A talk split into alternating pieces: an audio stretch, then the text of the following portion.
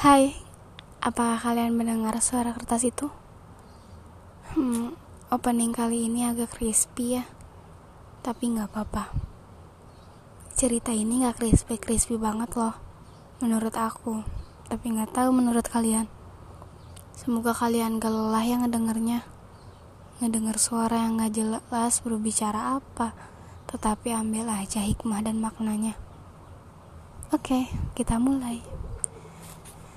Ketika saya sedang menangis di dalam kamar, terus melihat ke atap yang terdapat lampu di tengahnya, dan mendengar suara rintihan hujan yang sangat besar, ditambah angin dan petir yang menakutkan.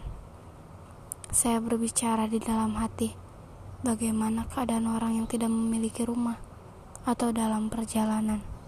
Seketika air mata saya kembali kering, dan pemikiran itu datang sekilas tetapi menyadarkan saya bahwa hidup saya sangat nyaman, memiliki tempat untuk berteduh, tetapi mengapa kadang saya tidak bersyukur atas itu? Pertanyaan saya masih sama. Bagaimana keadaan mereka yang tidak memiliki rumah, yang sedang berjualan tetapi belum laku?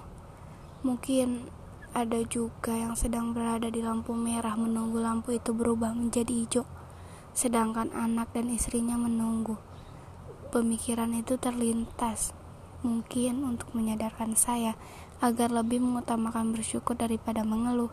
Pesan dari saya untuk mereka tetap semangat dalam keadaan apa pun dan jangan lupa untuk bersyukur untuk kalian yang sedang mendengarkan ini.